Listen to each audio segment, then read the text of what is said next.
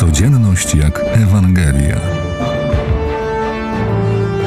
O słowie, które zmienia życie.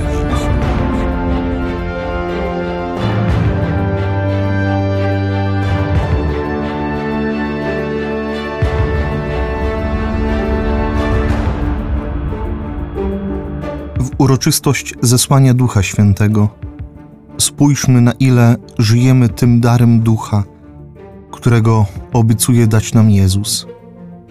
On zaprasza, aby przyjść, przebyć drogę, drogę wiary, przemiany, przyjęcia daru Ducha do naszego wnętrza.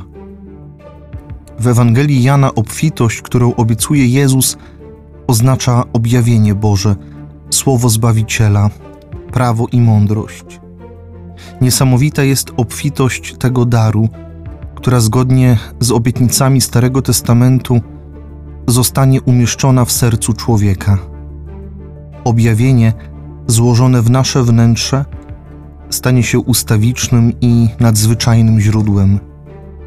Bóg stworzył nas do życia i pragnie, abyśmy mieli pełnię życia.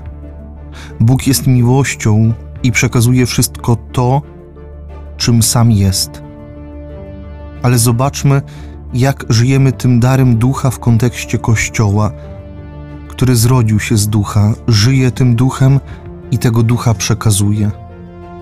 Dziś przecież rocznica narodzin, objawienia się Kościoła światu.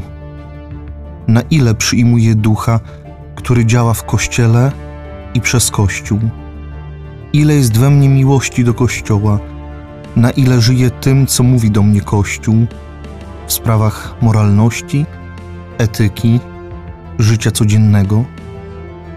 I to jest konkretne pytanie dla każdego z nas: ile jest we mnie miłości do ducha, do Kościoła?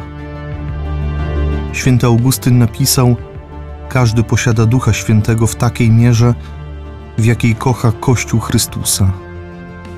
To tutaj jest Twoje miejsce, tutaj spotykasz Boga i jak pisał święty Cyprian, nie może mieć Boga za ojca, kto nie ma Kościoła za matkę.